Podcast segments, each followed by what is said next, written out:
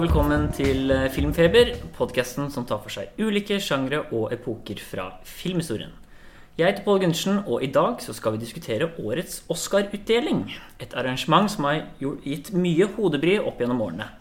For observante lyttere så satt glosene løst i forrige episode når både Boogie Nights og Magnolia ikke engang var nominert til Oscar for beste foto i sine respektive år. Med meg som alltid for å hyle løs om årets nominasjoner er Per André Nilsen Hei. Og Tommy Larsson. Altså.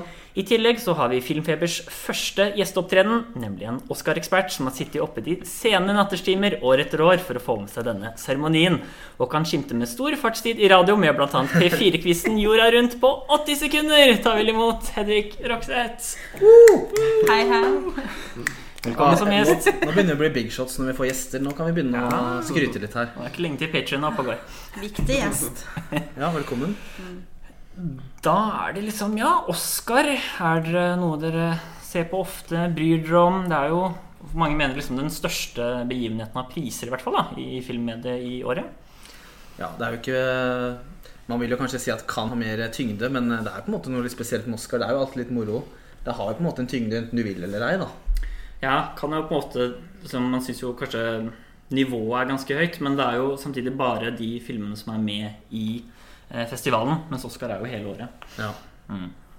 Og dere andre? Ja. Mm, Jeg pleier å se seremonien og i hvert fall se de fleste nominert til beste film.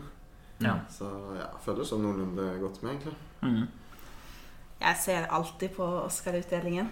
Mm. Jeg synes det er Det er ikke det at Oscar-utdelingen er så mye viktigere enn alle andre prisene, men den føles som mer glamorøs, og så er det litt det man gjør det til, at man gjør det til en stor greie, da. Mm. Vi liker jo å gjette på hvem som vinner, og lage en liten quiz ut av det. Og, Ja, vi gjør mye ut av det. Eh, Bingo-Oskar. ja, Ja. Det blir jo fort det. Det er jo litt spesielt år, da, selvfølgelig, med alt som har skjedd og korona og sånn, men uh, vi har jo fått sett så mye vi har rukket og prøver å skrape sammen en liten uh, hvor vi går gjennom kategorien og sånn, så vi får se, får se hvordan vi syns det i forhold til tidligere år, da. Det er ikke til å stikke under en stol at det er litt annerledes år. Vil du si det generelt litt svakere? Helt klart. Det er ikke mange filmer jeg liker, egentlig. Ja, det blir jo litt sånn Jeg tror det er lettere, i hvert fall i mange kategorier, de, mange av de gjeve kategoriene, så er det nok litt mindre konkurranse i år, sånn i forhold til tidligere år. Ja. Det er mange filmer som vanligvis ikke ville vært nominert. Mm. ja. Så er det både noen kategorier hvor det er sånn ganske åpenbare vinnere, og noen som er helt merkelige. Fordi det er liksom kanskje litt, kanskje litt strengt å si og litt rart når man er utenfor bransjen, men det er bare rett og slett ikke nok veldig bra i en kategori ofte, da, vil jeg påstå. Ja, og så blir man ofte irritert over de som vinner også. Det er ofte liksom ja, De lever sitt eget liv, føler jeg, de i akademiet. Jeg kan nevne noen utilgivelige ting opp igjennom. Gjør det.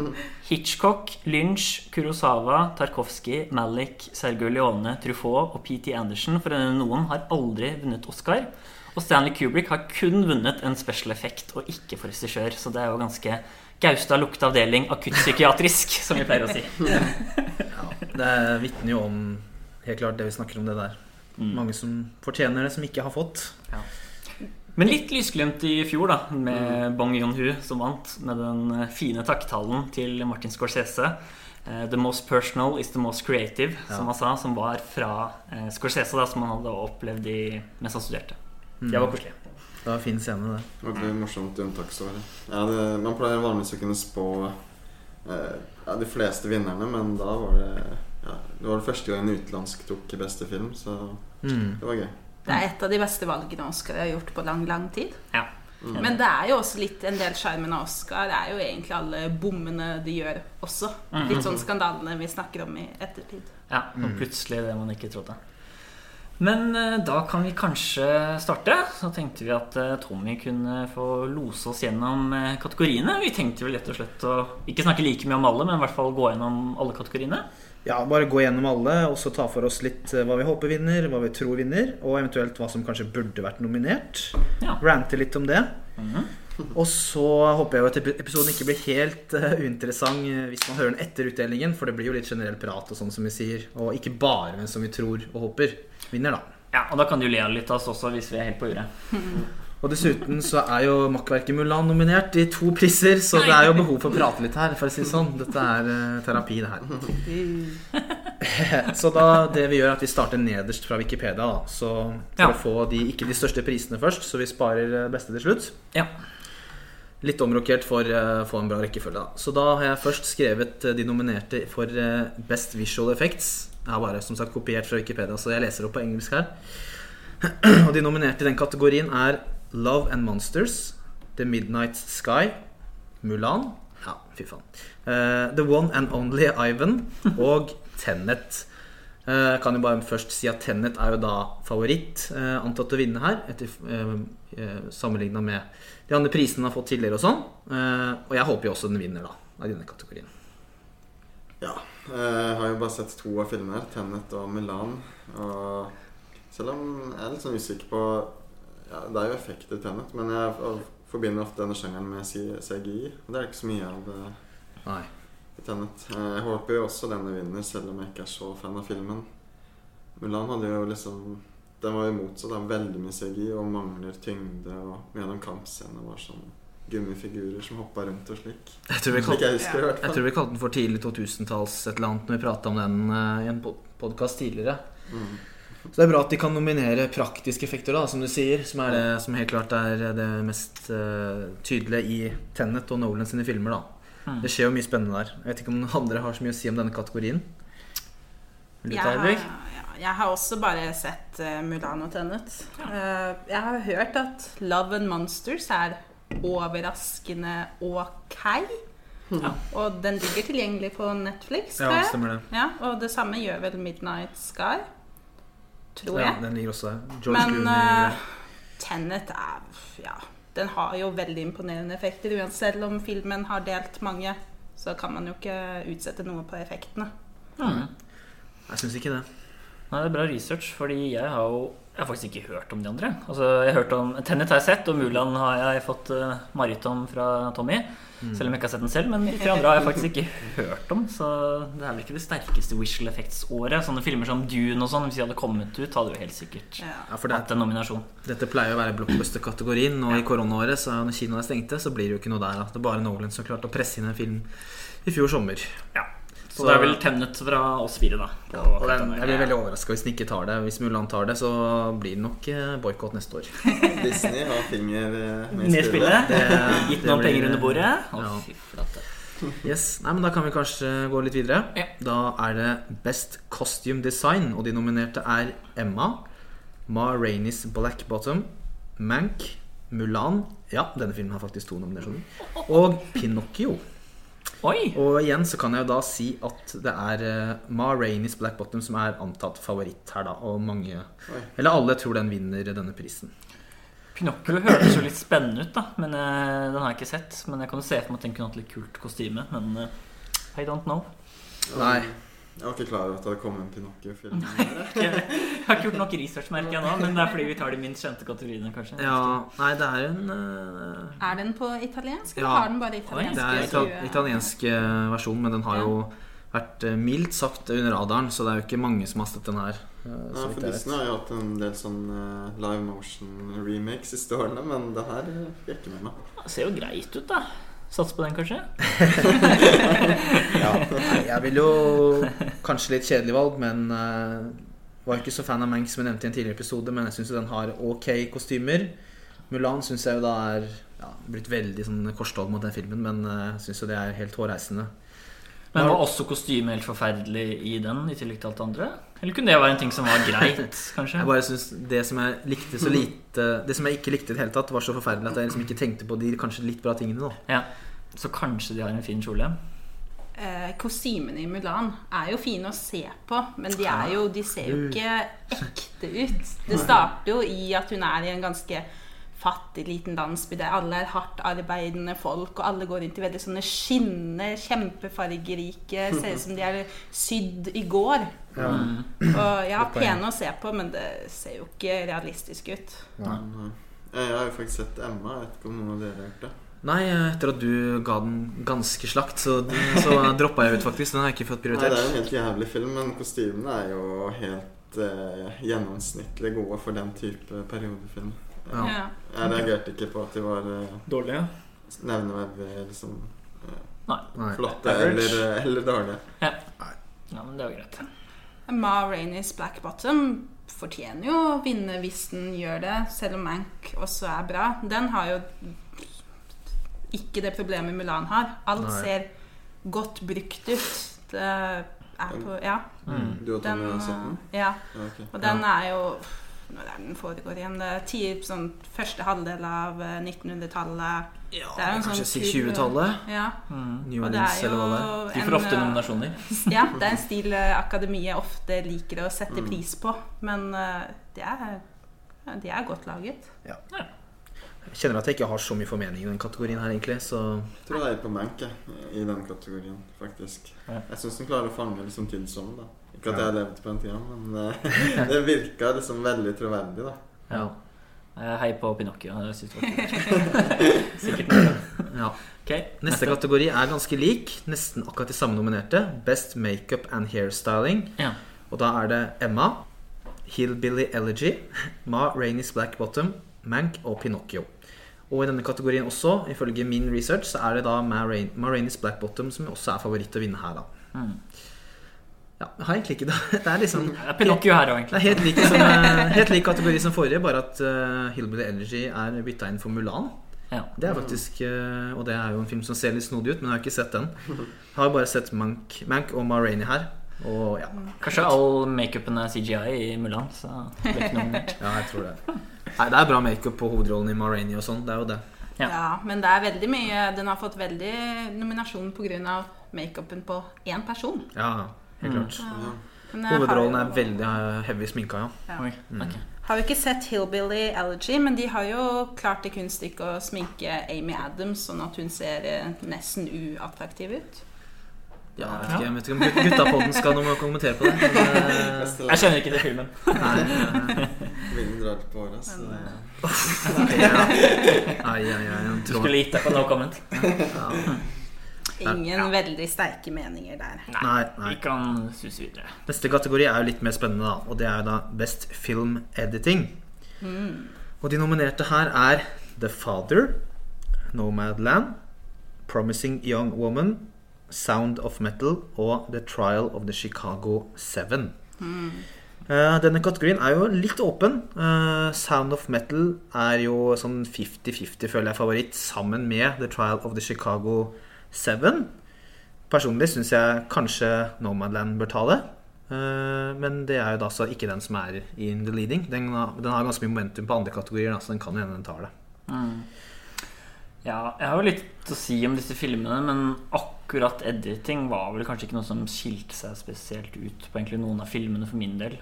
Eh, og så har jeg ikke sett den The Trial of the Chicago Seven. Da. Nei, den vil jeg si er skandale at det blir nominert. Eh, kanskje litt strengt, men eh, jeg syns den har veldig sånn kjedelig TV-preg. Det er litt sånn stygt å si disse dager, for nå har jo TV kommet ganske langt. Mm. Si. Eh, men nei, jeg skjønner ikke at den er nominert, altså. Nei, jeg er enig. Den lider av det samme problemet som dessverre vinneren av denne kategorien, Bohemian Rhapsody, for noen år siden Ja. gjorde. At den er overklippa. Og de nominerer ofte filmer som er liksom sånn flashy overklippa òg. Ja. Den har Og ikke noen lange tekst. Ja, og så har ingenting. den også mye bruk av uh, arkivfilm uh, som Mm. andre gjør bedre, som Spike Lee-filmer, men som Mm. den, det føles nesten som den kopierer. Ja. Det gjør det ikke på en ny og original måte. Det er også verdt å nevne da at uh, Chloé Hvordan uttaler man det? Chloé Joe. Chloé Joe Joe? eh, fant vi ut. eh, vi prøvde å gjøre research i stad. Eh, hun er jo da også klipper på Nomadland. da Det er verdt å nevne. Hun har jo fått ganske mange nom nominasjoner eh, i år.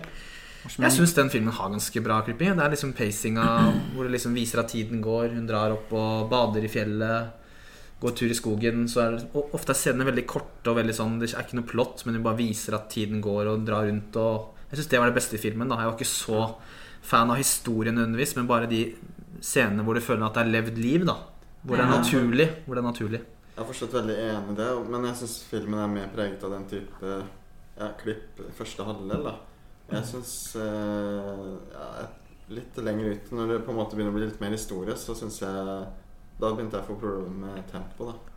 Ja Så jeg håper ikke den Hvis det er liksom årets best klippa film, så Det er liksom en nivå, da. Jeg vet ikke, fordi Klipp handler jo også om som dere sa, at det er også om hvordan du på en måte får handlingen ut i livet. da Hvordan Ja. man- manuset forvaltes. Det er jo ikke nødvendigvis hvor flashy det er. Nei, vi, er, vi er ofte litt for glad i long takes og sånne Ja. ting. En outsider som er litt interessant, er jo The Father. Mm. For den har ikke sånn veldig showy klipp som vi snakket om, men den bruker klipp på den måten du nevnte på, at den eh, den skaper en følelse i filmen, da. Eh, for denne filmen handler jo om eh, demens. Og hvordan det gjør deg forvirra, og hvordan du opplever virkeligheten. Og klippingen er veldig med på å vise den forvirringen og frustrasjonen Mm. som karakterene i filmen opplever. Ja, Mm. jeg griner ikke hvis det fader tar det, for så Det er kanskje min favoritt her. Ja, Ja. har Jeg jeg ikke regner sett, med at- dessverre. Kanskje spesielt Tommy savner Tennet i denne kategorien. Akkurat i denne har jeg faktisk ikke tenkt på det, men eh, for all del i et sånt her år så syns jeg det er litt oppsiktsvekkende, kanskje. Vi kunne i hvert fall bytta den ut med Trial Chicago, syns jeg. Mm. Actionfilm har jo ofte bra klipping, egentlig. Ja, Det er jo en, spesielt en scene hvor han klatrer opp under biler og greier inni der, som er ganske kult, da. Ja. Eh, Sant. Det er litt mer rytmisk enn disse andre filmene, som er treige av natur. da Ja, ja. Sant. Og så er det jo Samspill mellom klipp og musikk og er jo liksom en greie med Nolan, føler jeg. mm, Mm. Helt klart. Ja, Men det står i hvert fall da imellom Med mindre det blir en upset, så står det, så vidt jeg har i hvert fall sjekka, da, mellom Sound of Metal og Trial of Chicago. Ja. Så da håper jeg det blir Sound of Metal hvis det skal bli en av de to, da. Ja. ja. Og så er vi vel Kan vi si at vi som ofte så er vi litt mer gira på klipp, men akkurat i år så var det ikke så spennende for vår del. Nei. Men det er jo egentlig en kul kategori, syns jeg. egentlig Og Promising Young Woman, som også er nominert her, er jo en ålreit film, men jeg tenkte ikke på klippinga en eneste gang, egentlig. Nei. Nei. Må jeg innrømme. Noe sånn historie og skuespill. Ja. Ja. Og manus. Mm. Ja, eh, neste kategori som jeg har skrevet ned her da, er Best Cinematography, eller foto. Og de nominerte er Judas and the Black Messiah, Mank, News of the World, Nomadland og The Trial of the Chicago Seven. Ja. Eh, favoritten til å vinne er da Nomadland, eh, men det kan jo selvfølgelig skje hva som helst. Jeg sier bare hvor er Tennet. Dette syns jeg er litt trist å se, da. Her syns jeg i hvert fall den burde vært, da. Ja. Og så føler jeg at Judas and the Black Messiah, News eh, of the World og Trial of Chicago 7 er liksom bare kasta inn her, da. Kanskje litt strengt, men det er faktisk Ja, jeg syns det er litt, litt oppsiktsvekkende, altså. Den ser ganske stygg ut. Jeg så på reklamen i hvert fall. Så veldig sånn overdigitalisert ut. Og jeg syns jo både Minari og Sound of Metal, selv om de kanskje ikke har så imponerende kamera, så har de iallfall ganske sånn fin tekstur i bildet. da Jeg sa at Metal syns jeg skulle vært nominert. Den er vel den, nå har jeg ikke sjekka, men den ser ut som den er skutt på film. Den er veldig kornete. Det stemmer. Det er den eneste av alle filmene, i hvert fall alle de amerikanske og engelske filmene, som er skutt på film. Ja, den og Tennet også. Ja, eneste av de ja. cinematography Ja, som av de er nominerte her, ja. Ja. Ja. Og så er han ikke nominert engang, så det er jo litt krise. Det er uh, unhinged. Ja, kamera, kamera. Noen av de her bilsekvensene der uh, Oh, bedre enn Tennet. party, party. Oi! Ikke fire opp tommer i formen.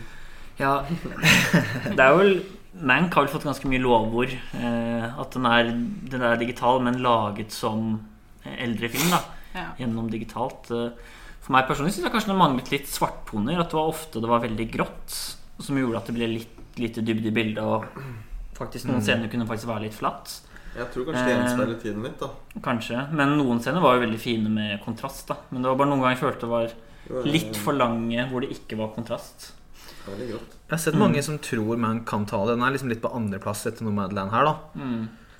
Men jeg er litt enig i det dere sier. Altså. Jeg savna litt mer liksom, Kanskje litt rart sammenligning, men Roma, for eksempel. Da. Eh, Mm. Veldig fin svart-hvitt foto for bare i fjor eller forrige fjor. Mm. Ja. Jeg, jeg syns ikke det minner om den type foto, altså. Nei. Jeg, må sagt, jeg tror det er bevisst egentlig at det Ja. tiden det skal foregå i. Ja. Det er jo litt Hvis det er før filmen var, så er det ganske sånn slapp grått. Mm. Ja. Mm, 30-tallsfilm. Ja. ja. Det er, ja, nei. Få inn eh, Nolan her, altså. Men eh, Nei, det er vel Nomadland eh.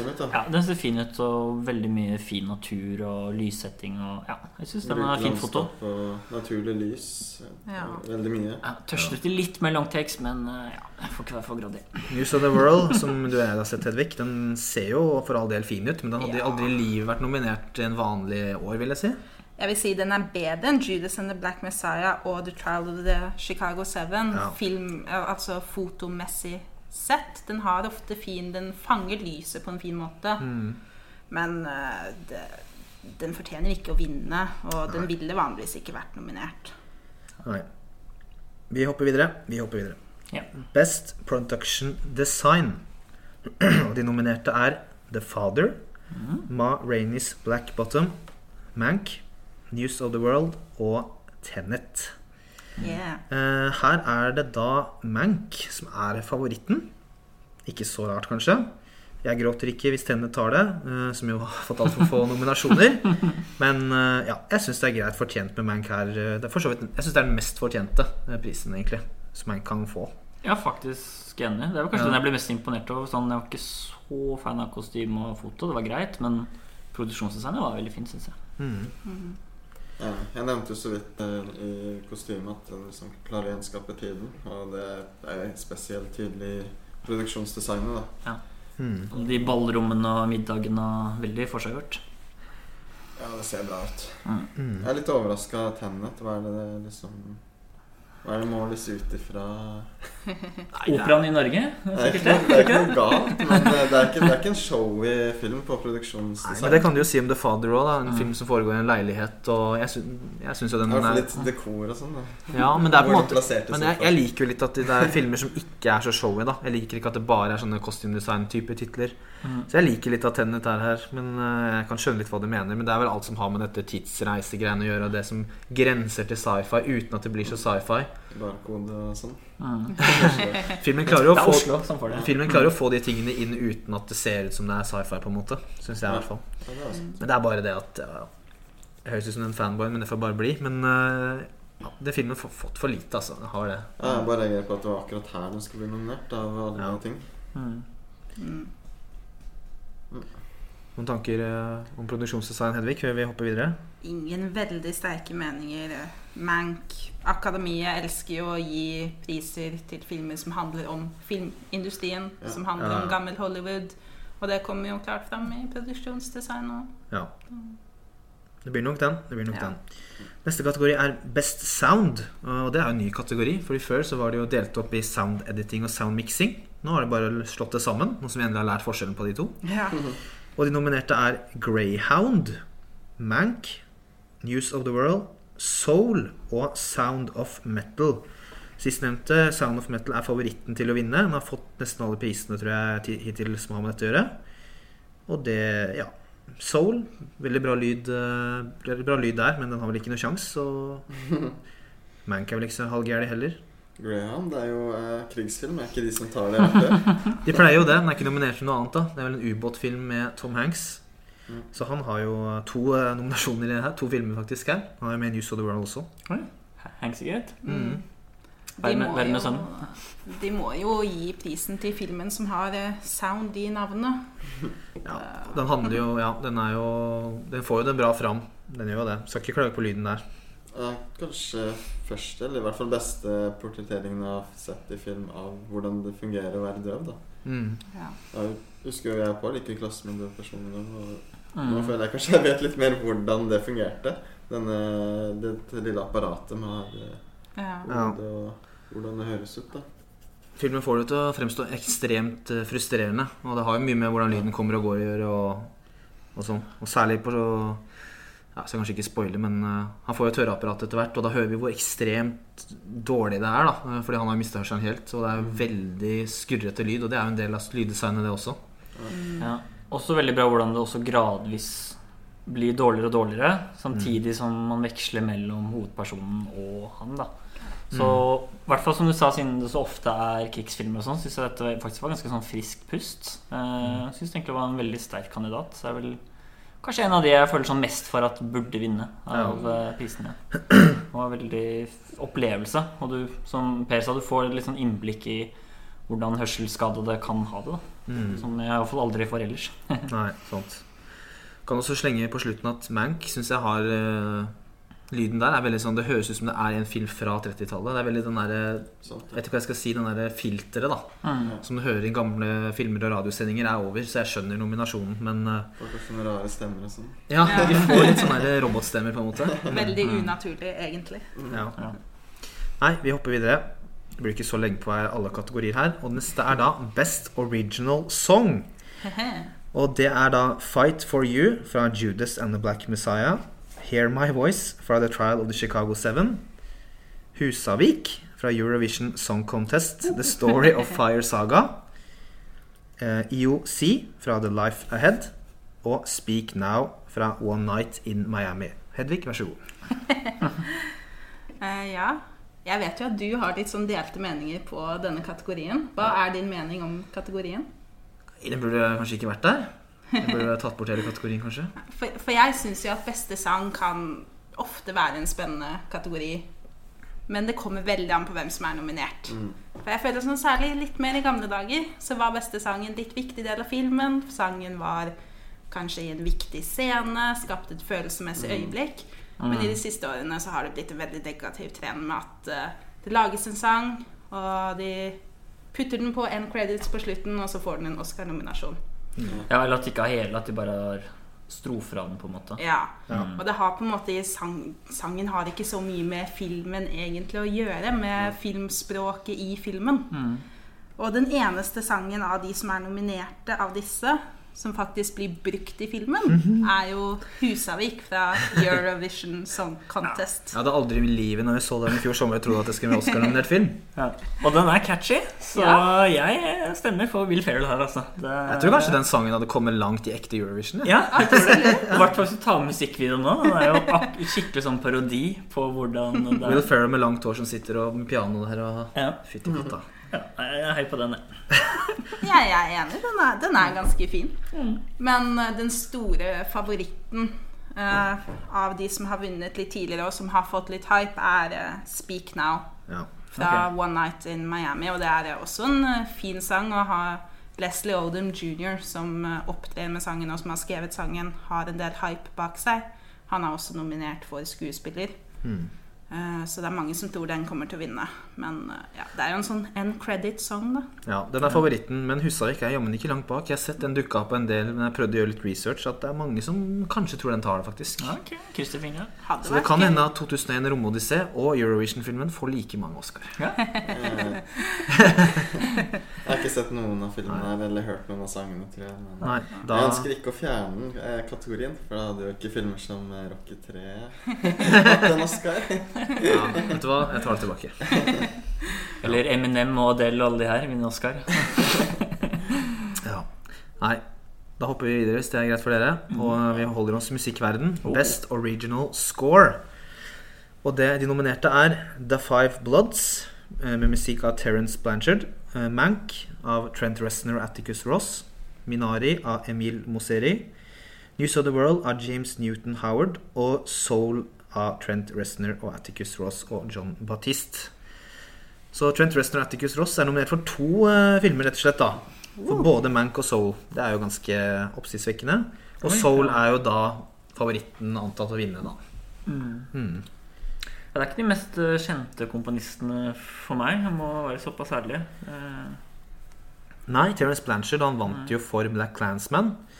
Ja. Mange vil jo kanskje si at han er liksom nominert, eh, autonominert i år. Eh, ikke Ja. så spesielt eh, soundtrack for den filmen der.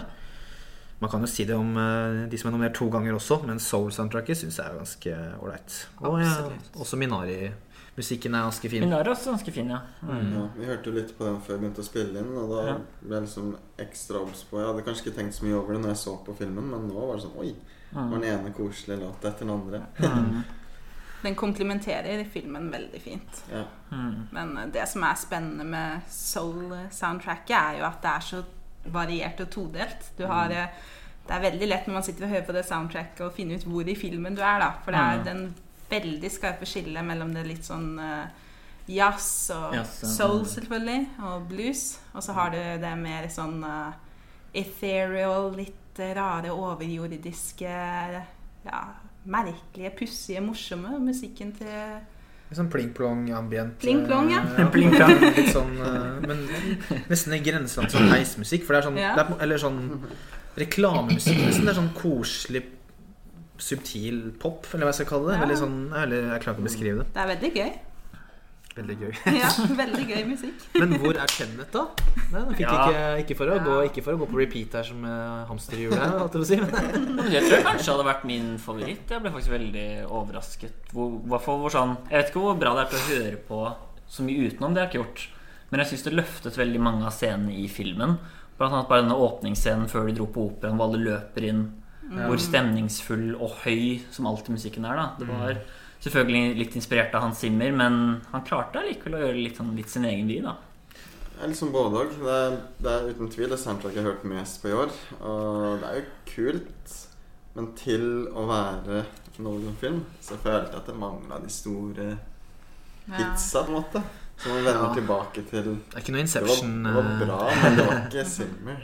Dessverre, altså. Nei, det var det ikke, men for, Men allikevel, da. Fortsatt bra nok til nominasjon da i år, føler jeg. Sånn, Ja, det ville bare vært litt vondt Ja. litt sånn om prisen gikk til, til et soundtrack som egentlig var skuffa over i utgangspunktet.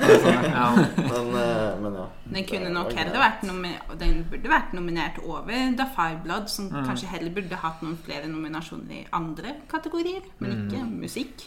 Nei. Og det er ekstra rart, fordi Tenet eh, er jo lagd musikken er jo Ludvig Göransson, og han vant jo Oscar for Black Panther. Så de Mm. liker jo åpenbart han også, men her er han ikke engang nominert, altså. Mm. Så Jeg syns det har klart liksom å lage litt sånn suggererende spenning og litt sånn stress at ting var på Ja. spill. da Og det er jo viktig i en sånn film. Det er jo et uh, virkemiddel i filmen. absolutt, absolutt. Mm.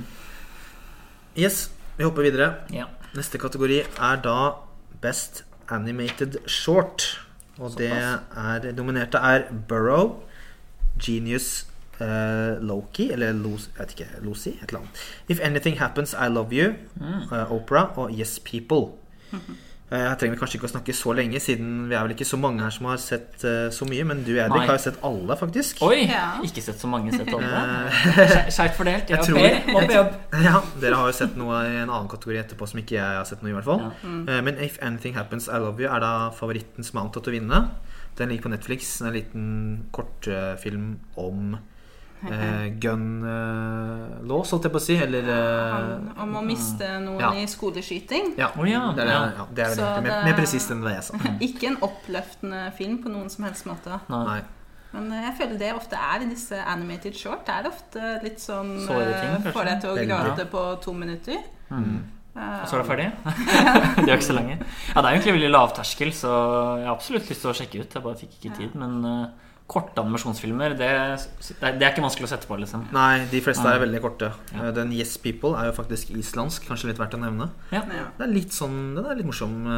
Kanskje ikke den beste her, men uh, Kanskje den rareste av de Ja. som er nummer sånn Veldig sånn nord nordisk Ja. humor. Det er veldig sånn nordisk eller litt sånn skandinavisk eh, folk, hvordan, hvordan Ja. Hvordan vi oppfører oss. Nordeuropeisk oppførsel, på en måte. Er det The Square?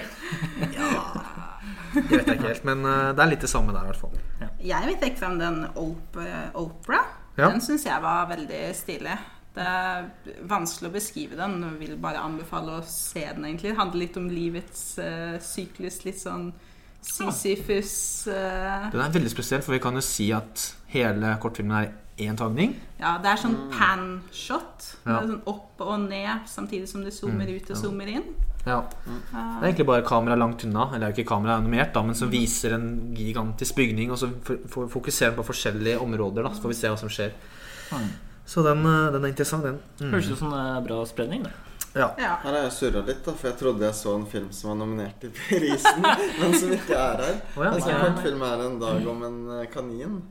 Som Ah. den ja, det var den Save Ralph, var det ikke det? Ja, den, ah, ja, eh, den- Stakkars Den, har- julekser du den, så jeg, den så jeg på YouTube, men den, eh, men den nominerte som heter Burrow her, handler også om en liten kanin. ja. Okay. Så du har nok blanda litt eh, Du der. var nære, da. Ja. Den var for så vidt eh, ganske Og den ligger på Disney Pluss, da, for de som vil sjekke ut. Ganske fin, litt vond, eh, Absolutt. Ja, den er jo nesten en reklame for vår dyrevelferd, egentlig. ja. Mer enn en, nesten en kort film, på en måte. Men ja. Den kom litt for nærme Oscar til å kunne være med, tror jeg. Okay. Ta, tar det neste år. Ja.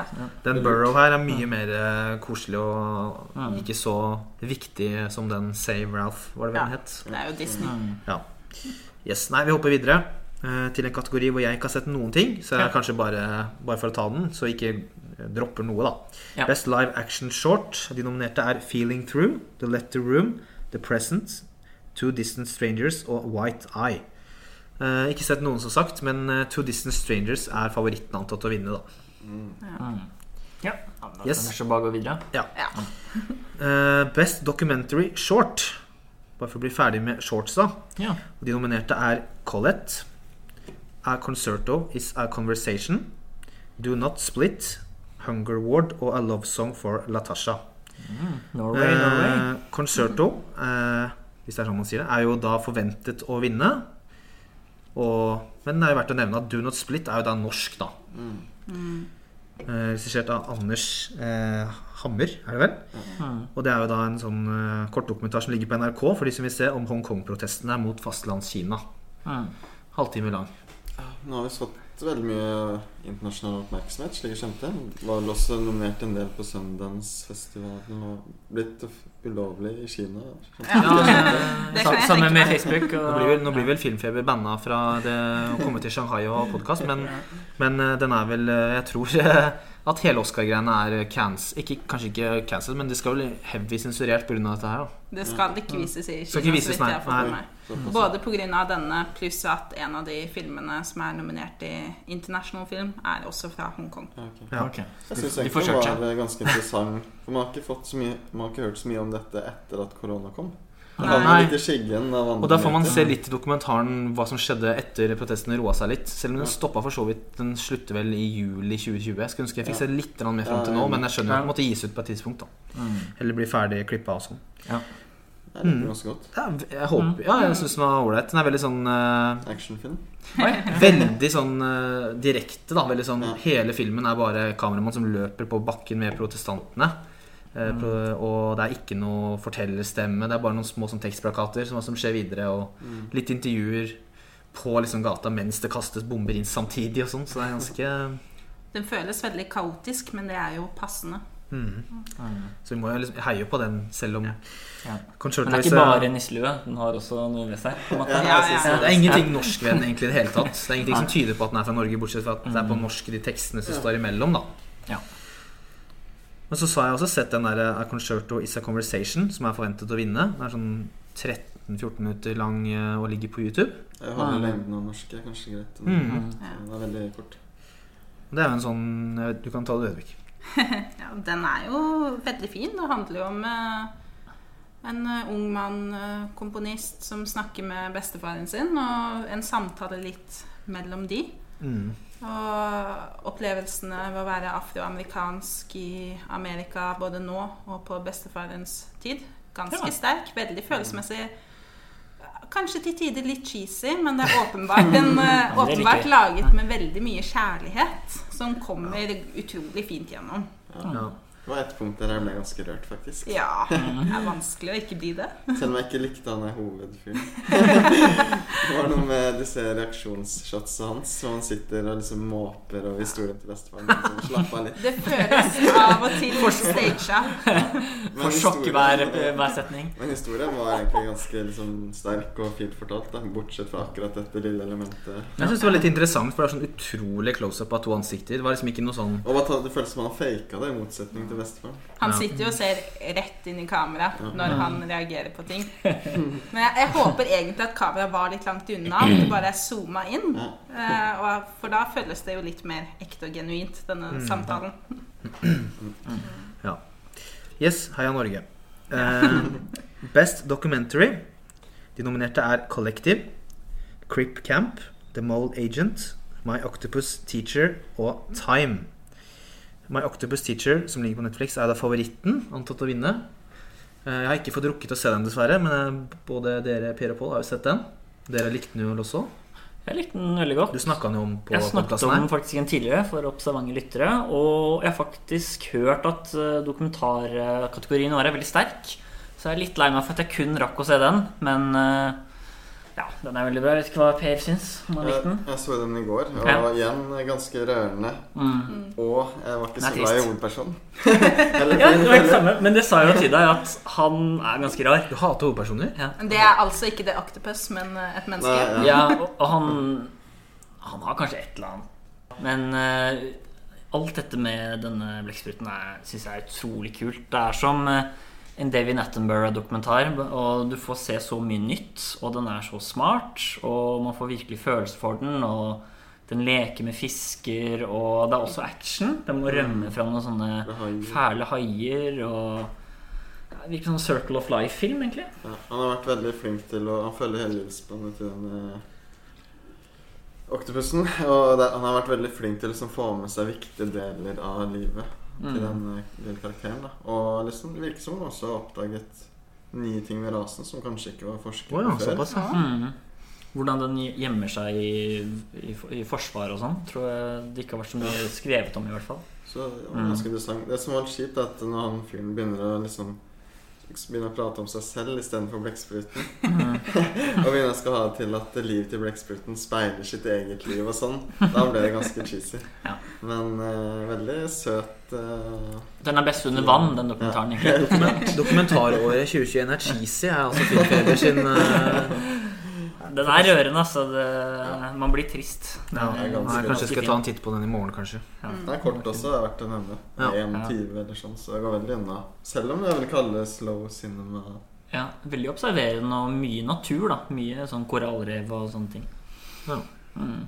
Ja, Så ja, nei, på tross av at det er sterkt år og jeg ikke har sett noe annet, så heier jeg på den her, da. Mm. Yes, vi hopper videre et- ettersom vi ikke har sett noe annet i den kategorien. Ja. Og da er vi ferdig med alle disse litt eh, mindre kategoriene. da. Eh, Neste kategori er da Best International Feature Film. Og de nominerte er jo da Another Round eller Et glass til eller Druk. Mange titler. Druk. Eh, fra Danmark. Eh, Better Days fra Hongkong, som vi jo så vidt var innom. Collective fra Romania. The Man Who Sold His Skin fra Tunisia. Og Kuovadis Aida fra Bosnia. Mm. Og her er det jo da film vi har hatt episode om, eh, Et glass til, som er favoritten. da Og det er vel den eneste vi har sett også. Mm. Så den tar jo den, da. Det blir jo koselig, det. det blir jo Vinterberg skal faktisk få Oscaren, da. I hvert fall teamet, han og teamet. Dette er årets film for meg òg, så jeg skulle gjerne ønsket at den var nominert til beste film. Fordi av alle nominerte filmer syns jeg dette er den beste. Det er min soleklart favorittfilm fra året.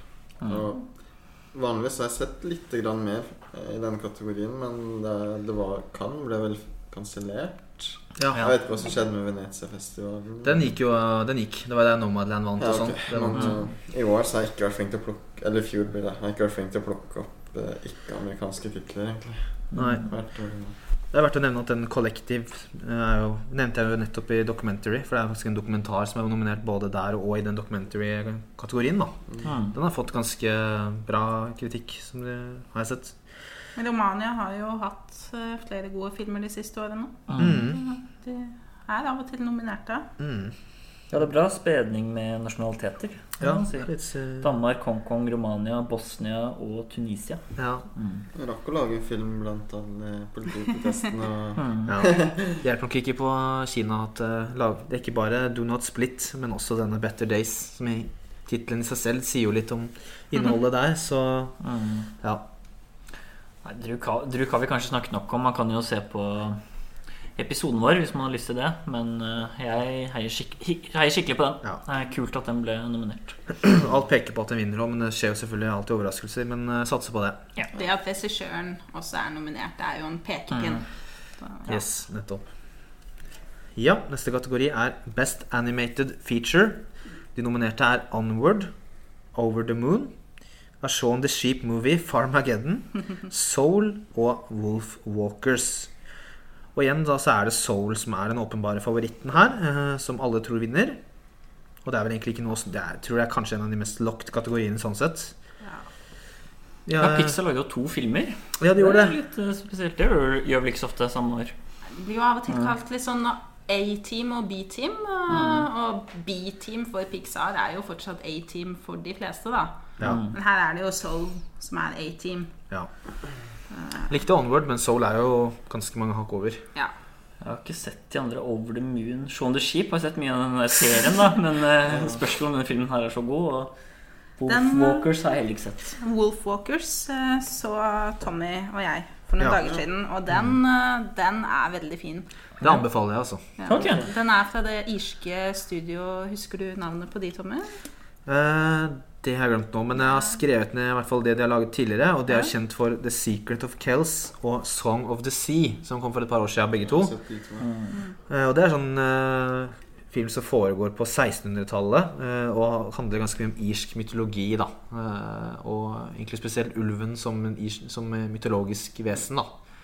Og den er overraskende ålreit. Det minner på en måte litt om Jeg, jeg fikk litt sånn 90-talls Disney-følelse av den, bare at det pakka inn i liksom indie-pakken, da. Den har liksom den strukturen og den veldig tydelige bad sånn guy. Ghibli. Veldig Ghibli også. Veldig Ja. Ghibli. Jeg har ikke sett den nye, men jeg syns det er koselig at det fortsatt lages uh, den type animasjon. Altså tegninger, og ikke bare denne 3D Ja. Mm. Og her er det veldig skissete òg. Bakgrunnen er veldig sånn og Buskene og trærne er veldig statiske mens figurene beveger seg over. Og i starten husker jeg tenkte Oi, det var det så liksom rough da i bakgrunnen. Men etter hvert så ble filmen veldig sånn Veldig mye bevegende ting etter hvert som kom oppå det bak. da Ja. Og da, da mener innrømme at siste 40 minuttene eller noe sånt, så tenkte jeg ikke på det. For da var det så mye ting som beveget seg i bildet. da Og så er det en uh, norsk sang med i filmen. Ja, faktisk. Ja, sant det. uh, 'Running with the Wolves'. Stemmer det. Den, uh, når den dukka opp, så var jeg litt sånn Den her har jeg hørt på radio. et eller annet Ja, ja. Så Norge er godt representert. eh, Ja, faktisk. Kommer fram her. Vi er en nasjonalistisk podkast, vi. Mm. Jeg syns egentlig ikke om er så jeg. Nei. Jeg er egentlig litt sånn ti Ikke Jeg, jeg håper Soul vinner, men jeg er egentlig ganske glad i disse det, Du, det Pixar som vi kaller det. Jeg likte jo veldig godt den derre Little Dinosaur. du slengte jo ti av ti til The Good Dinosaur, du. Good Dinosaur. Ja. Jeg synes det var veldig søt. Rett inn på topp 100. Topp 3. Nei, det var ikke. Med Rambo 4. Men uh, ja, igjen, jeg syns det er fint med den Det må ikke være så forbanna komplisert hver gang, da. Onward hadde veldig fin skildring mellom eh, forholdet mellom de to brødrene. Mm. Det var veldig rørende, og jeg blir fortsatt uh, erta litt. Jeg så den sammen med Tommy. Jeg gråt noe helt forferdelig på slutten. Jeg hørte riktig om at Ja. Thomas sier det. Ja. Hadde jeg ikke noe comeback, så nå kommer lytterne til å tro på det. Men, eh, ja. Jeg satt bare og tenkte på at uh, Gi meg soul. et visst eh, dødsfall i The Force Awakens og, og denne sluttscenen i Onward er de to gangene jeg har sett deg uh, rett og slett. Da. ja. Så Så det bør ikke si meg Octopus Teacher, med andre ord. selv gråt, selv gråt jeg mer på Rise of Skywalker, hvor for jævlig trilogi med det. Yes. Nei, vi kan kanskje hoppe videre. Best uh, ja. eh, Adapted Screenplay. Og de nominerte er Borat. Ja. Borat Subsequent Movie Film. The Father. Nomadland. One Night in Miami. Prikk, prikk, prikk. Og The White Tiger. Her er det jo bare to filmer som faktisk Eller tre filmer som har vært representert tidligere. Eh, Nomadland er jo favoritt antatt her å vinne. Og ja, jeg vil si at uh, det er greit. The Father uh, er også fortjent, vil jeg si. Ja. Hvis får. Ja, jeg likte The Father mye bedre enn Nomadland på de fleste punkter, så det er jo klart min favoritt. Borat var skuffende. Vi har jo prata en del om den en tidligere. Den har sunket litt i etterkant for meg også. Selv om jeg ikke var, var ikke sykt positiv på podkasten. Men det var jo morsomt. Vi satt jo og lo, men når ikke opp til eneren. Ikke noe Jeg synes det er rart at den er nominert i Adapted Screenplay. Og de sier at den er nominert i Adapted fordi den er, basert, bas den er basert på karakteren eh, Borat som finnes fra før. Ja. Men det er det eh, at det er en historien er jo ny. Ja, men jeg tror det bare er en sånn rar regel. Ikke at det forsvarer det, men det er visst en sånn fast regel de har, da. Ja. Som gjør at uh, siden den bygger på Borat, så bygger den på noe adaptert. Men jeg er jo enig, det er veldig sånn løs forklaring. Det er litt sånn der eh, kronelig mynt, holdt jeg på å si. Det, Jeg skjønte ikke nei, det er litt merkelig. Nei. Uh, jeg syns kanskje manuset er noe av det minst spennende med Nomadland, egentlig. Uh, jeg syns ja, foto og alt de andre tingene liksom det, om, det som sitter igjen, mer stemningen. Jeg syns Ja, på en måte klart. samtalene egentlig ikke var så spennende. Og faktisk, Nå skal jeg ikke spoile, men den siste samtalen hadde jeg faktisk litt problemer med. Hvordan den på en måte forklarte hvordan hele filmen var. Så ja. Ja. Er nok ikke så Det gjør ikke meg noe om noen andre vinner. Kjenner jeg. Hvilken samtale var det? Jeg har ikke lyst til å spoile. Nei, ok nei.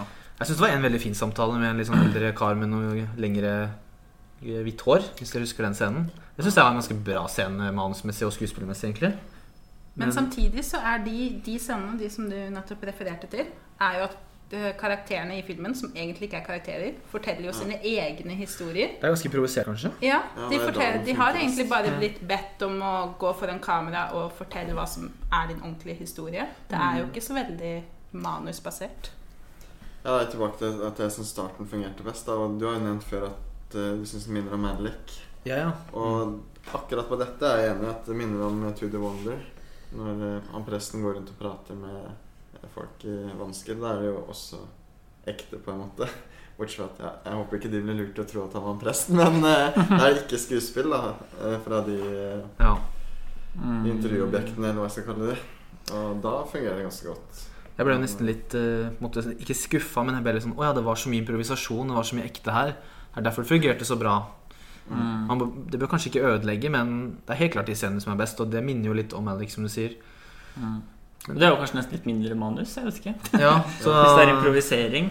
Men ah, Det blir mye rundt grøten her. Men uh... Ja, den er i hvert fall antatt Ja. å vinne, og ja, nei, det er, Vi er vel fleste enige om at det er ikke det som gjør Eller noen syns ikke filmen er bra heller, da, men jeg syns den er bra. Og det er ikke det som gjør den nødvendigvis det er veldig bra, men. Det var litt komisk i Soratvann, så kanskje hei, hei på den likevel. Hei på The Father, da. hei på en liten upset by the father der. Eh, Det kan, Jeg syns One Night in Miami Den var jo ikke så kul som film, men den hadde mye bra dialog. Det er en veldig dialogvevet film. Karakterene sitter og snakker mye seg imellom.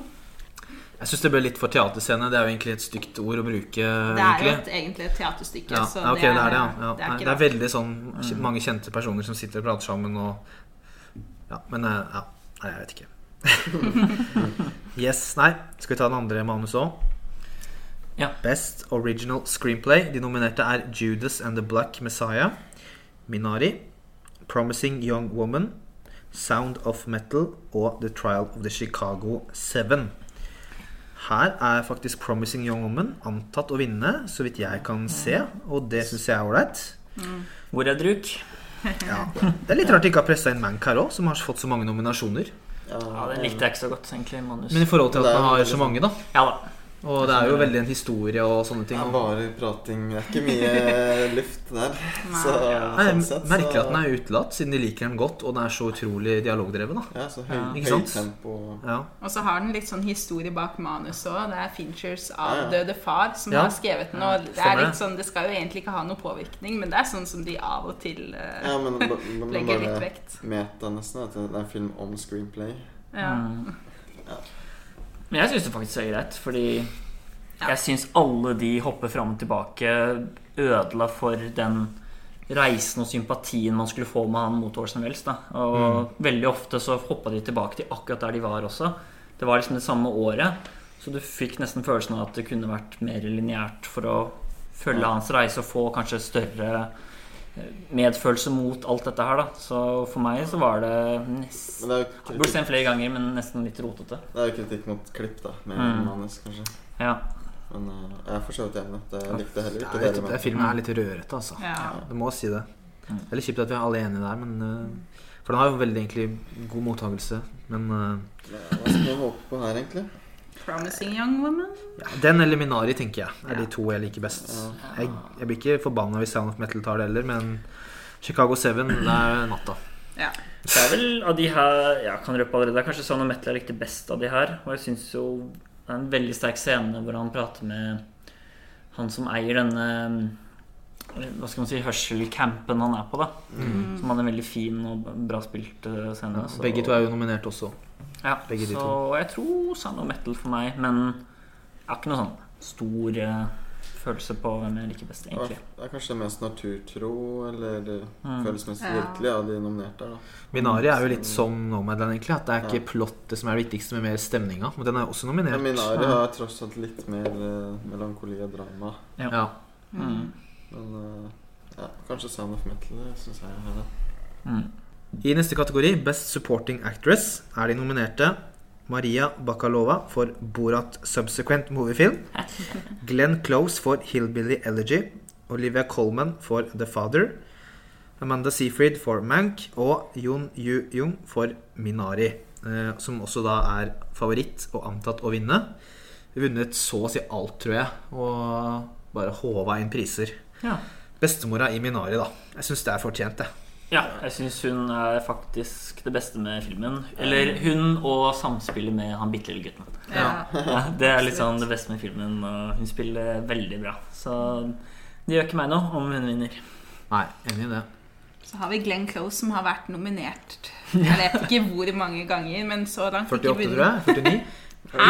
Jeg tuller. jeg tuller Hun, hun blir delt med Peter O'Toole hvis hun ikke vinner, for å bli nominert mest uten å vinne. Så, ja. Men denne Så det er sånn filmen 8-9 eller noe sånn. Den ser jo fryktelig kjedelig ut. Jeg, jeg har ikke sett den. Du tror ikke det blir Glenn sitt år? Det blir ikke noe mer på Glenn i år heller. Å, fytti. Overraska at Meryl Streep ikke har sneket seg.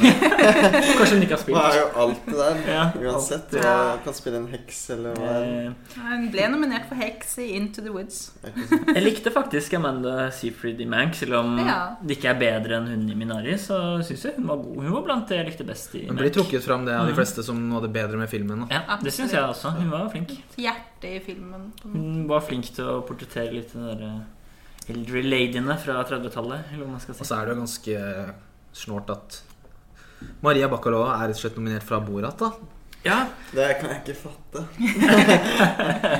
Nei, Hun hadde jo nesten ikke spilt noen filmer før og fortalte i intervjuet at mora begynte å grine når hun så filmen. Og hva er det du har gjort med livet ditt og blitt med på greiene her og sånn. Så er hun nominert til Oscar. Jeg tror hun egentlig er en klassisk skolert skuespiller. Ja, så det er på en måte ikke sånn typisk film for henne heller, da. Eh, nei Ganske flink til å gå inn i kleine situasjoner undercover, i hvert fall. eh, Det var jo maska er det som hun blir nominert for? ja, altså ekstremt sånn karikert overspill òg, da. Sånn helt sånn Du skal jo være en forvirra kasjokhstansk ungjente som Ja. har roter rundt. da Nei, det er litt Jeg må, si det er litt merkelig. Jeg men det er mange som trekker henne fram som en mulig vinner og, og favoritt bak, bak Jon Jung, da, selvfølgelig. Men det, ja. eh, det er mange som trekker henne fram. ja, det, Det hadde vært ganske morsomt, da. Det hadde vært morsomt, men morsomt på en rar måte, da. Det blir jo litt Ja. sånn ikke, Ja, jeg vet ikke. Jeg syns hun Olivia Colman er god i The Father, uten at det er noe sånn Hun er jo alltid god, men uh, hun har jo vunnet også før. ja. uh, for uh, The Favourite Mm. mm. for et par år siden. Så hun har jo Oscaren, så Men alt tyder på at det blir uh, Jon Jung fra Minari, Og Ja, Det håper jeg virkelig. det en av de mest bankers der. Og uh, neste kategori er også veldig sikker, virker det som. De nominerte er Sasha Baron Cohen fra The Trial of the Chicago Seven. Daniel Kaluuya fra Judas and the Black Messiah. Leslie Odom jr. fra One Night in Miami. Paul Ricey, som vi fant ut at det uttales, fra Sound of Metal. Og Lakeith Stanfield fra Judas and the Black Messiah. Her er det da Daniel Kaluuya som er favoritten og antatt å vinne. Veldig sikkert, eh, virker det som, hvis du leser litt hva andre eksperter tror. Ja. Mm. Har du lei deg for Robert Pattison fra Tenet her? Nei, det er jeg ikke. Her, nå skal, herfra ut så skal jeg ikke prate så mye om Tennet. Uh... med han Eh, alkoholikeren i Druk? Han er uh, Ja! Sant det! Tom, Tommy. Han som heter Tommy. ja, han heter Han Tommy. burde hatt nominasjon. Lille Brille. Lille Brille. Han var jo helt rå. Nei. Nei. Hadde det er vært amerikansk jo film, hadde han jo kanskje blitt nominert. da Det er jo det verste, faktisk. Ja. Men det er en veldig stor snubb her, da. Og det er eh, Delroy Lindo fra The Five Bloods. Ja, han, Den filmen kom jo veldig, veldig tidlig før Oscar-season. Da var det veldig sånn der, Alle skrev på Twitter, og det var veldig mye sånn derre Å ja, han vant også, han vant birolle, ja. Det var veldig sånn, Alle trodde det, så ble han ikke nominert engang. For filmen i seg selv var kanskje litt forglemmelig, men han spilte helt utrolig. Han er i hvert fall det beste med den filmen. Det er klart. Absolutt. ja, jeg syns jo Paul uh, Rassai, var det det? Risey, tror jeg. Ricey, sorry. Ja, jeg syns han er den beste her, Ricey, han er jo dritflink, og jeg syns han er veldig god. Men Ja. han er den eneste jeg har sett, så det blir vanskelig å ta noen verdivurdering. Jeg har, sett, jeg har sett alle, og jeg syns han er best. Ja. Jeg syns han klarte å lage litt sånn dybde og tematikk i filmen. da Ja. Mm. Jeg syns han er utrolig naturlig, og Mm. Den der, det som jeg snakka om litt i stad med Nomadland, den der følelsen av at det bare er ekte levd liv i noen scener hvor det er Ja. naturlig, da. Han ser ikke ut som skuespiller heller. Nei. Nei. Han er med, han er med i Parks and Recreation, liksom. Han er, skues, han er skuespiller. Men Han sånn er med sitcoms og Ja, men etter samtalen Hvor han sitter igjen og gråter og det er veldig sånn Og det er ikke klippet, så han må liksom gjøre det fort. da Jeg syns det er Ja. bra skuespill å få det over, da. Mm. Kanskje skyte en snubbed Russell Crowe i En. Sinna fyr i trafikken. Veldig relaterbar uh, Ja. Ok, Russell Crowe og Tommy fra Druk. Okay. de to. Ja. Snødd. definitivt.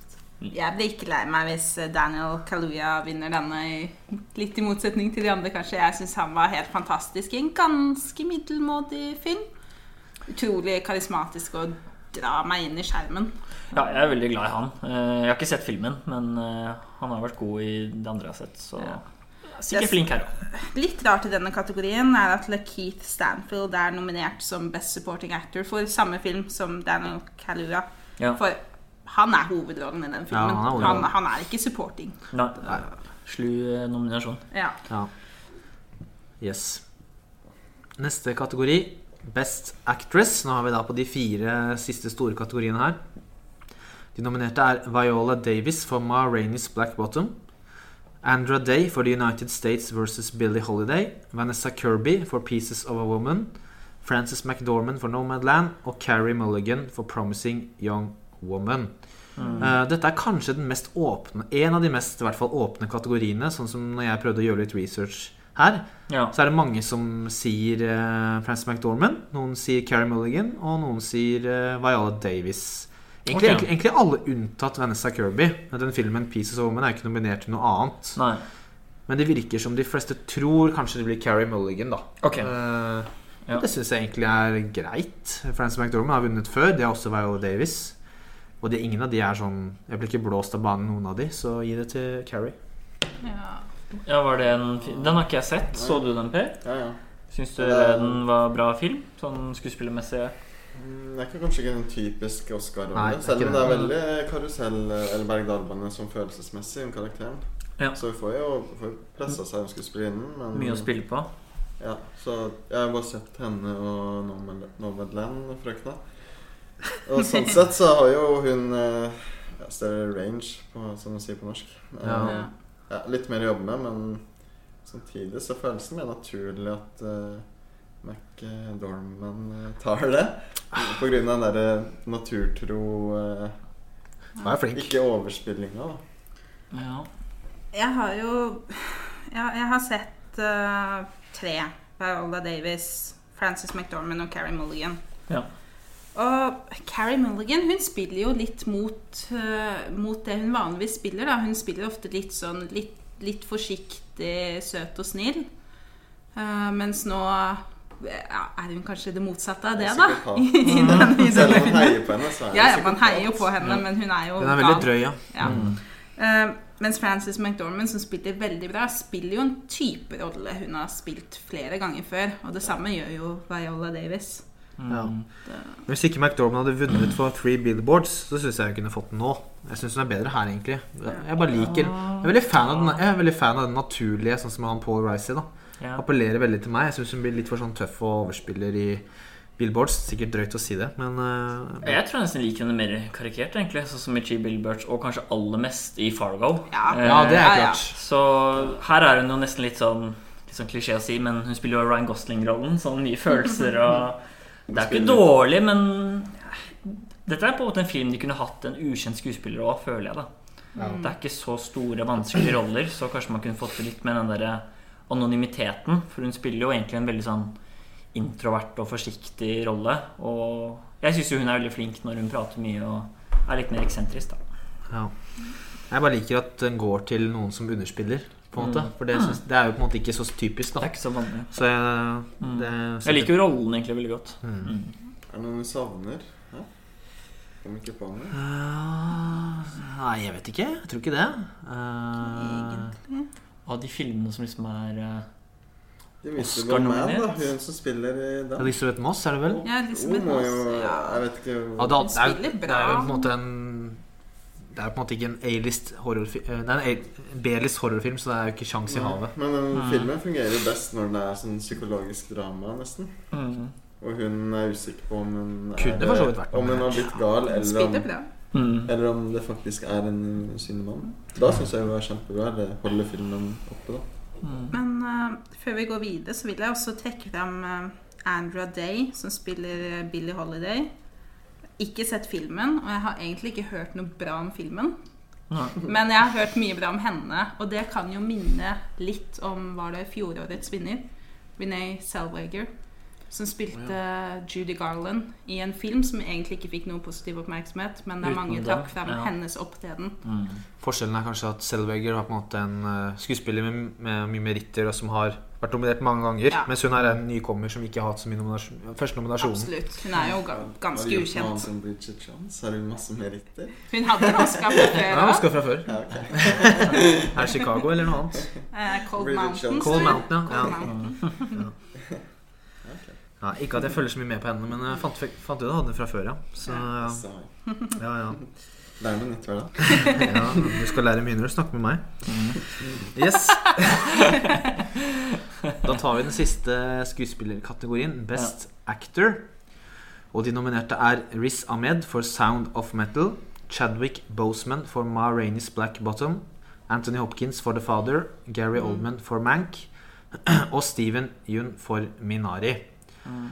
Her er det jo da Chadwick Boseman eh, som døde i fjor, som er eh, Når jeg sier at han døde, så puster du ut, ja. Det Eh, er bare for den eneste ikke har sett. Å, ja. Å, ja, sånn. så, som er favoritten. Men Anthony Hopkins vant BAFTAen og er en ganske stor utfordrer som kan snappe den til seg. Han vant jo for Silence of the Lambs for uh, ca. 30 år siden. Mm. Han har i i en, en av sine absolutte beste roller noen gang. Absolutt. Ja. Og han er en solid utfordrer til uh, Boseman, da. Så det er litt 50-50, men det blir nok Boseman. Det blir nok det. Her er kanskje den kategorien jeg er mest skuffet. Jeg hadde virkelig håpet på Mats Mikkelsen. Av det jeg har sett, så syns jeg Jeg syns nok han har den beste skuespillerprestasjonen i 2020, faktisk. Jeg syns han er sykt bra. Og han hjelper å bære den filmen, da. Så ja. Jeg skulle, jeg skulle ønske han var nominert. Kunne kanskje vært byttet ut med Det føles eh, forferdelig å si det, men Gary Oldman. Mm. Som gjør en veldig standard standard han er litt den man, mannlige Meryl Streep begynner å bli nå. Som går på Mm. dusinet med Darkest Hour og sånn. Mm. Nei, jeg syns uh, ja. syns han var ganske irriterende, egentlig. Men fortsatt så, så spiller han mer enn dessverre han Steven Yeun, da. ja. Jeg syns ikke han egentlig fortjener å være her, selv om filmen er veldig ålreit. Jeg syns Gary Oldman er veldig flink i Mank, egentlig. Han, er ty han, han passer veldig inn i det miljøet der. En sånn morsom ting med han Yoon er jo at eh, jeg så på karrieren hans jo, han har jo bare spilt i amerikanske ting. Mm. Jeg tror han måtte lære seg Jeg har sett noen Han har vært med i Ok- Okja. Ja, men, Men i den filmen er her så har han- verdens feiteste aksent, så skuespillerprestasjonen hans går ut på å lage sånn Men det er vel han som er med i Walking Dead, ikke sant? Ja, ja. ja. Han måtte vel lære seg litt aksent- aksentgreier og sånn, tror jeg. For Ja, så det er morsomt. Ja. Han ser på meg som feit asiatisk aksent her. ja. Men jeg har sett mange koreanere mene Jeg syns jeg leste at uh, de fleste syns han klarer det ganske greit. ja. Han har visst forbedret seg fra hvordan han snakket i Okya, til okay. hvordan han snakker i denne.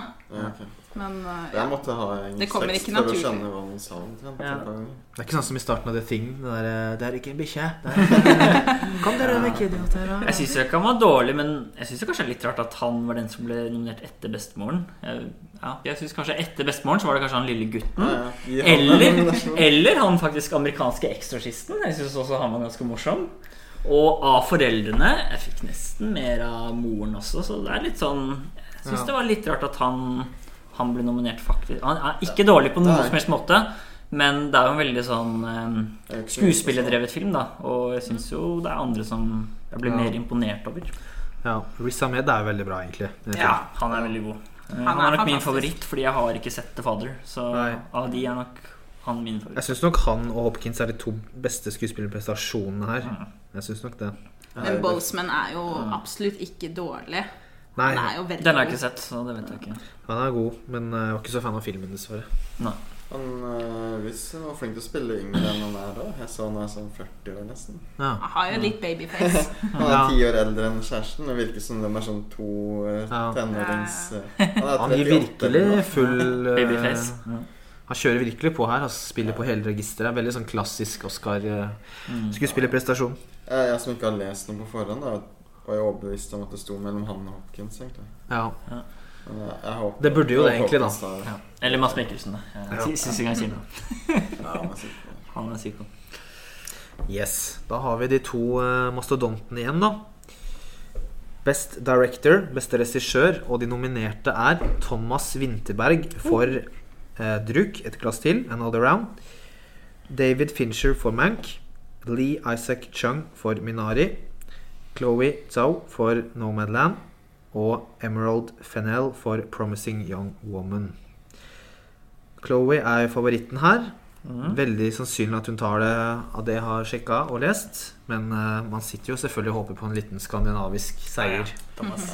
Men det tror jeg ikke, da. De har jo en kjempemulighet her til å gi det til en kvinnelig regissør. Mm. Jeg vet ikke om det noen gang har skjedd før. Jeg, Jeg Jeg tror aldri det har skjedd at to har vært nominert ja, men samtidig. bare tenk på vinner Jeg tror Catherine en Bigelow Dark uh, Turtle. etter, Nei, Nei, Catherine Bigelow vant for The Hurt Locker. Hurt Jeg er Locker, ganske ja. sikker på. Det har vært fem nominerte gjennom årene og én vinner, hvis jeg Ja, husker okay. riktig. Ja, ok, jeg Og her er det faktisk to på en ja. gang. Nei, jeg syns regi er veldig bra i den filmen, så ikke noe problem med den vinner, men heier jo på Thomas, da, med Druk. Ja. Selv om jeg må jo si at det er jo egentlig ikke regi som jeg syns er mest imponerende med den filmen, da. Jeg tenker jo sånn ja, Mads Mikkelsen som er nevnt, eh, manus, Mm. og egentlig også heller beste film. Fordi regimessig er det jo ikke så sånn ekstravagant og Jeg teknisk. syns kanskje det mangler eh, bitte litt på den fronten. Ja, det er kanskje der filmen er kanskje minst interessant. Men selvfølgelig, når den først blir nominert, da, så er det veldig gøy. Så ja. Jeg merker jeg frykter Fincher litt her. Det er kanskje den mest filmete filmen. Ja. ja. Nei, jeg, jeg virker, det virker som alt tyder på at det blir eh, Nomadland her, altså. Mm. Men det skjer jo alltid oppsett, som vi sier, og det kan jo skje i alle kategorier. Vi Man vet jo aldri hvor det skjer. Men Mm. uh, Vi er ikke noen eksperter, men eh, jeg, det virker som det er den som tar det. Så Det er jo litt artig at det eneste virkelig store navnet er David Fincher. Det er jo flere som har gjort seg bemerka tidligere, men det er på en måte Det er ikke et år som er fylt med de veldig gjenkjennbare navnene. Mm. Eh, men ikke på en dårlig måte, for alle som er regissert her, har jo laget gode filmer. Uh, Mm. Mank var kanskje litt, litt skuffende. men uh, det- det er litt gøy, da. Få frem litt, litt nye navn. motsetning til i fjor, da, med Tarantino og Bong Joon-ho og Scorsese og Ja. Todd Phillips. Mm. Kanskje ikke et stort navn sånn sett, men Ja, nei, det er litt annerledes i år. Det er det.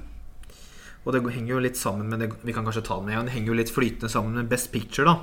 Ja. Eh, hvor de nominerte er The Father, Judas and the Black Messiah, Mank, Minari, Nomadland, Promising Young Woman, Sound of Metal og The Trial of the Chicago Seven. Og som med Best Director så er det alt som tyder på at Nomadland vinner beste film, da. Mm. Mm. Skal vi ta runden på hvem vi håper? det kan vi godt. Henrik? Ja I motsetning til mange andre år så har jeg ikke en veldig sterk mening. Eh, Jeg blir ikke lei meg hvis Nomadland vinner. Den er veldig fin. Det hadde vært gøy med Minari. Det eneste som vil skuffe meg veldig, er uh, The Trial of the Chicago Seven. Ja, da skrur jeg av TV-en og boikotter neste år. Og kaster en flaske i TV-en. Og jeg har hørt at den ligger nærmest til å slå Nomadland. Det har jeg også så vidt sett, ja. Mm. Og det er synd, for den er litt sånn type Det minner meg om Green Book, som jeg vet noen likte godt. Men det er det jeg liker å tenke på som eh, Paint by the Numbers-aktig film. Sånn, det, er ikke, de er ikke rett ut dårlig på noen måte. De er helt ok, men de er litt sånn ufarlige og veldig sånn standard. Det var så helt karikert. ok. For. Green Book var jo kjempe Green. Book hadde jo bra skuespill og alt det der, men eh. eh. Nei, Jeg syns Green Book er mye bedre enn Trial, men uh, jeg skjønner litt sammenligninga. Hva er din favoritt da, Tommy? Nå ser jeg ser Per stygt på meg. Hvis jeg må velge en Jeg, jeg syns nok Nomadland er den beste filmen her. Men eh, jeg liker jo å heie litt på noen underdogs. Jeg syns ikke det gjør noe hvis Minari eller The Father kanskje tar det. The Father hadde vært gøy. Ja, Og så syns jeg jo at uh, kanskje Soul skulle ligget her, da. Nominert i mange kategorier, og de har jo tidligere nominert både Inside Out og Toy Story 3. eh, og Beauty and the Beast. Det er de tre eneste animasjonsfilmene som er nominert. da Men Ja. eh, litt snålt at, snålt at den ikke ligger her, egentlig. Ja. Ja. Eh, men ja, nei, jeg vet ikke helt. jeg liker jo at det blir noe av det hun ikke forventer. da Så hvis Chloé skal få director, så sier vi Så kan vi si Ja, nei, The Father, Minari. Jeg vet ikke. Ikke Trial, i hvert fall. Mm.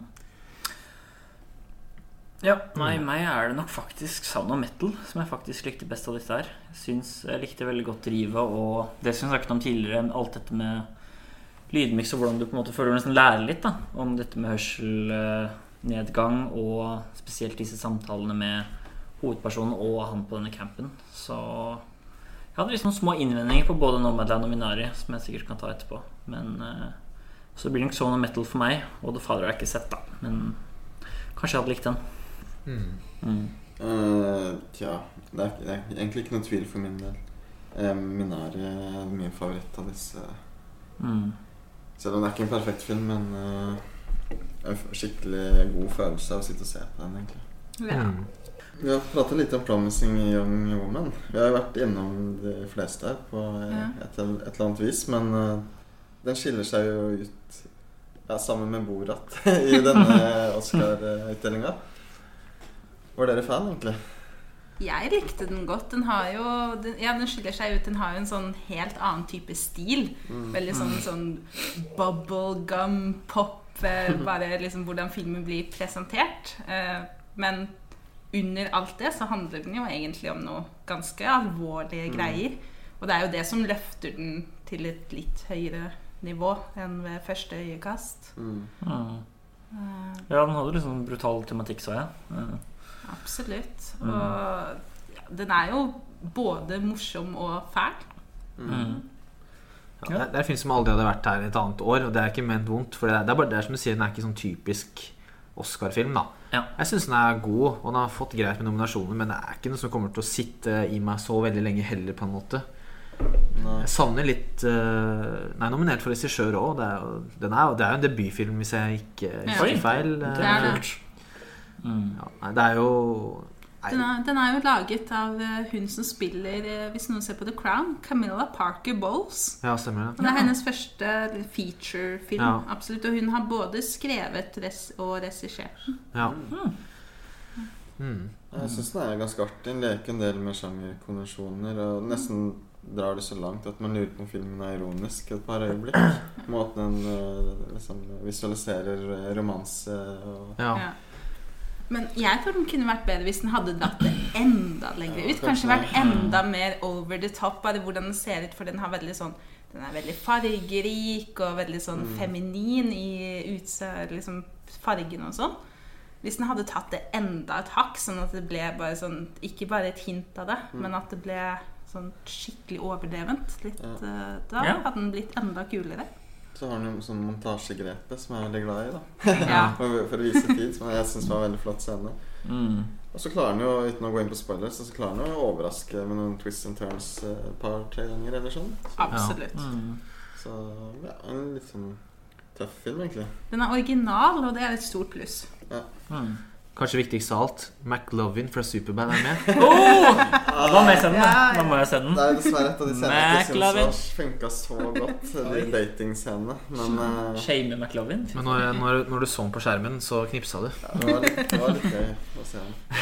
Har ikke sett den på åtte-ni år eller noe. Føles som om det var samme karakter. Oi! Han har ikke blitt, han har ikke blitt tøffere. Det er han, det er, det er han i 30-åra som har tatt en litt for mange birras, på en måte. Damn, Ja. Så det var litt opp til meg. Men eh, Mm. ja, Nei, det blir spennende å se utdelinga. kanskje ikke så mye mer å si om akkurat den. Nei. Nei. Jeg Er det noen andre Minari, kanskje? Snakke litt mer om den. Det er jo da en familie fra Sør-Korea som på 80-tallet i USA på en måte skal starte litt på nytt. da Og ha en sånn eh, hønsefarm og bo der og ja, egentlig snu litt om på hele livet. Og de har tidligere vært rundt i andre stater, California og litt sånne ting, da. Uh, ja, det er vel kanskje premisset. Ja. Sånn ish. Og jeg likte jo egentlig starten veldig godt. Da var den litt som eh, en regissør som jeg er veldig glad i, Hirokazu Koreda. Mm. Som er kanskje den av samtidens regissører som jeg syns er best på nære familierelasjoner og ja, realistiske problemer som oppstår dem imellom. da Og veldig sånne fine, intime ting, og da spesielt samspillet mellom bestemoren og sønnen syns jeg var eh, veldig god.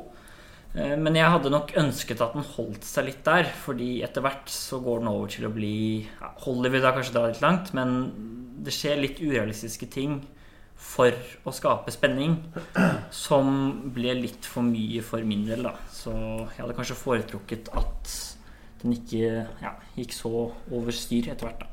Jeg er helt enig i det. Det er det som gjør at den bikker så vidt under Nomadland for meg. Fordi den der, det som skjer på slutten, blir litt for filmaktig. da Jeg liker at den beholder seg i det veldig naturalistiske land, eh, landskapet. da Ja. Ja. Og det, jeg syns det var veldig lett å forutse de dramatiske elementene som skulle komme. Én var jo litt spoiler traileren, Ja. men det var et annet også som liksom Har man sett litt film, så eh, kan man eh, ja, kjenne at det er et eller annet som driver og murrer i bakgrunnen. Mm. Men, eh, Og så er det årets scene når gutten tisser oppi kaffekoppen. Ja. men det er så god- Mountain Dew. Ja. Det er en nydelig film rent visuelt. da Den er Ja. fin å se på, den er fin å Koselig. høre på. Den, ja. Og fin musikk, som vi har innpå. God for sansene. Mm. Mm. Man liker alle karakterene i filmen også veldig godt. Selv yeah. de som er en sånn skrullete, så har de veldig sterke personligheter. Og Mm. Mm. man lærer virkelig å kjenne dem, da. I Mm. motsetning til en viss Nomadland. Det er deilig at det ikke er en sånn spesifikk individuell bad guy som Ja. jobber Altså Det er jo mer at livet er hardt, og det er ting som jobber imot dem. Men det er ikke på en måte En litt eh, karikerte til, motsetning til han bad guyen i Nomadland. Mm. Ja, kanskje ta litt Nomadland nå, da, siden det er De er den store favoritten. Det er litt Ja. overlappende også, sånn tematisk. Ja, det er jo Frances McDormand da, som spiller en eh, slags moderne amerikansk nomade. Kjører rundt i campingvogna si i uh, litt sted som heter Empire, tror jeg det i hvert fall starter. Og det er egentlig bare en skildring av hennes liv on the road, da, uten uh, Mista mannen sin og har ikke noe hjem, bortsett fra denne campingbilen. Mm. Og hvordan hun eh, blir litt, kommer inn litt inn i sånn uh, nomademiljø, da. Eh, Sånne campers som, eh, som eh, Ja, på en måte litt campinglivet, bare at de kjører rundt og bytter litt på hvor de står. Og Mm. det er egentlig ikke så mye plott i filmen sånn til å begynne med, i hvert fall. Men den er veldig tematisk aktuell. Altså der den Ja. ikke er sterk på plottet, så er den veldig Det er jo dette med hvordan hele småbyer i USA går konkurs fordi én arbeidsplass eh, legges ned, og Mm. hvordan det på en måte driver alle ut. Hvor viktig den er. Ja. Ja. Korte kontrakter eh, på veldig mange forskjellige steder. Og vi får faktisk se at hun jobber hos Amazon. Nesten utrolig at hvordan fikk de, fikk de filma det med tanke på hvordan filmen på en måte fremstiller hvordan de som jobber der, har det. da Ja, Den viser jo ikke Amazon eh, så fælt som vi har hørt at de kan være. Nei, det de jo, det Det er ikke noe, det er ikke noe tissing tissing i kopper på, på, mens du jobber eh, i filmen. Nei, men Det er liksom litt det der fæle kapitalistiske samfunnet og amerikanske er drømmen i grus. da Ja, absolutt. Fremstilt med litt sånn Ja. Jeg skal ikke si ja, Det er litt sånn fine naturskildringer og Den der oppe i fjellene og bader og Det er liksom Det er de scenene der som jeg liker, da. ja. Den er jo også, vil jeg faktisk si, litt todelt. Jeg er spent på om dere er enige. For jeg syns jo starten er litt eh, Fredrik Wiseman, faktisk. Altså disse Såpass, observerende nærbildene av folk i lave samfunnsklasser som prater løst, og du viser hverdagen deres, de snakker rundt eh, måltider, jobb.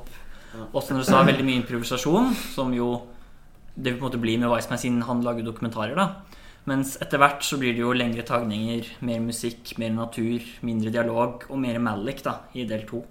Og det var nok den delen jeg likte best, faktisk. Så det er vel motsatt fra deg, fordi da var det mer er observerende. Fordi det var så mye sånn fokus på ja, jeg vet ikke, samfunnsklassen og praten og Der var på en måte ikke manuset helt sterkt nok for min del. da Men når hun dro liksom mer rundt i naturen, og du så solnedgangen og den svære eika og sånn, så ble jeg litt mer sånn revet med, da.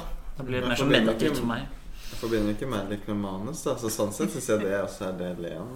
Men uh... Det er mer prating i del én, da, syns jeg.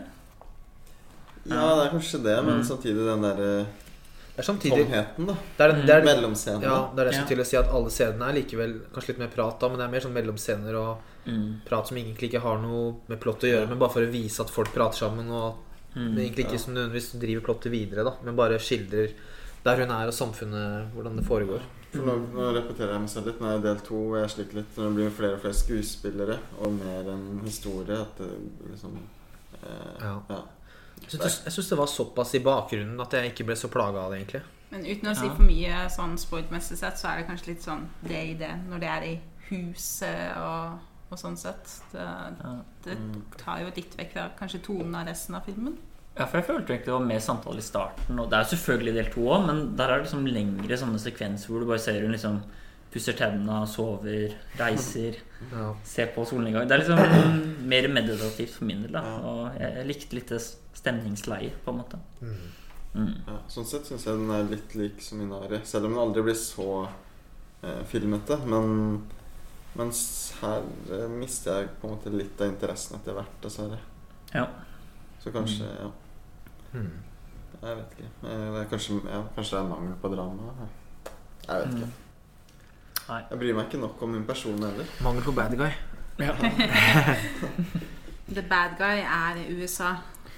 Ja. Ja. Capitalism. Du må tenke tematisk. som Bad guy guyen er Donald Trump. Ja. Mm. Har man en film på slutten, kan man jo selvfølgelig gjøre det. Jeg kan godt bare si en ting, og det er at uh, filmen First Cow har blitt snødd i alle kategorier. Det er en ganske ålreit A24. Mm. En kort, ålreit uh, film uh, som kom eh, egentlig fra 2019, men jeg tror den, i likhet med Sound of Metal, da, som også er først kom i 2019, hadde, skulle egentlig vært eh, i år, da. Men den har ikke fått noen nominasjoner. Så anbefaler folk å sjekke ut den hvis de får mulighet.